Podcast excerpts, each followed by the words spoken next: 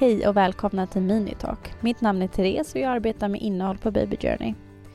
I den här minipodden kommer ni få ta del av korta informativa avsnitt kring graviditet och småbarn och med oss idag har vi vår barnsjuksköterska Matilda.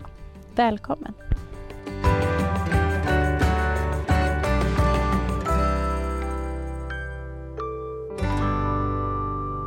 I dagens avsnitt så vill vi prata om känslorna kring att välkomna ett nytt litet liv till världen.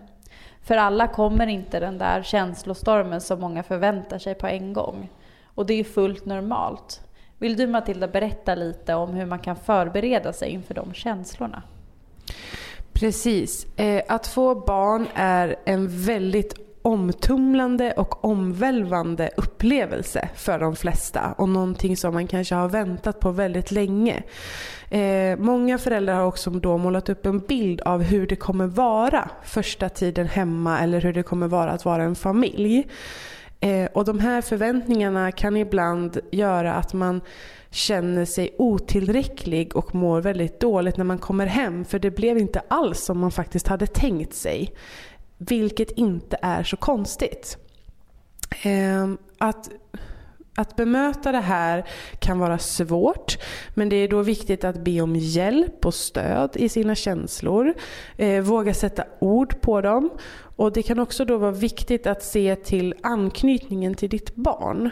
Alltså att finnas där för barnet hela tiden och visa att du är där. Ehm, men om man då mår dåligt ehm, vilket väldigt många gör när man kommer hem, så kan även detta vara svårt. Eh, och då är det viktigt att man söker hjälp. Och hjälpen finns antingen på eh, förlossningen om du känner väldigt stark nedstämdhet redan där. Eller via din BVC-sköterska som hjälper dig vidare. Tack så mycket. Den här nedstämdheten eh, kan ju för en del utvecklas även till en depression som kallas för förlossningsdepression. Vad är egentligen en förlossningsdepression och hur vet man att man har drabbats och när ska man söka vård? Det är viktigt att komma ihåg att de flesta kvinnor som kommer hem har drabbats av någonting som kallas för baby blues eller tre dagars gråten där man känner sig nedstämd och kan känna en att man har som PMS fast man inte har PMS egentligen. Den här ska gå över inom ett par veckor. Man brukar säga att inom två veckor så bör du känna dig lite lättare.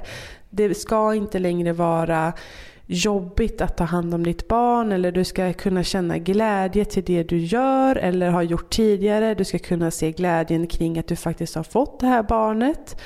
Eh, om du inte gör det så är det väldigt viktigt att du söker hjälp innan det faktiskt blir eh, riktigt illa för dig rent psykiskt. Tack så mycket. Tack för att du har valt att lyssna på Minitalk med oss.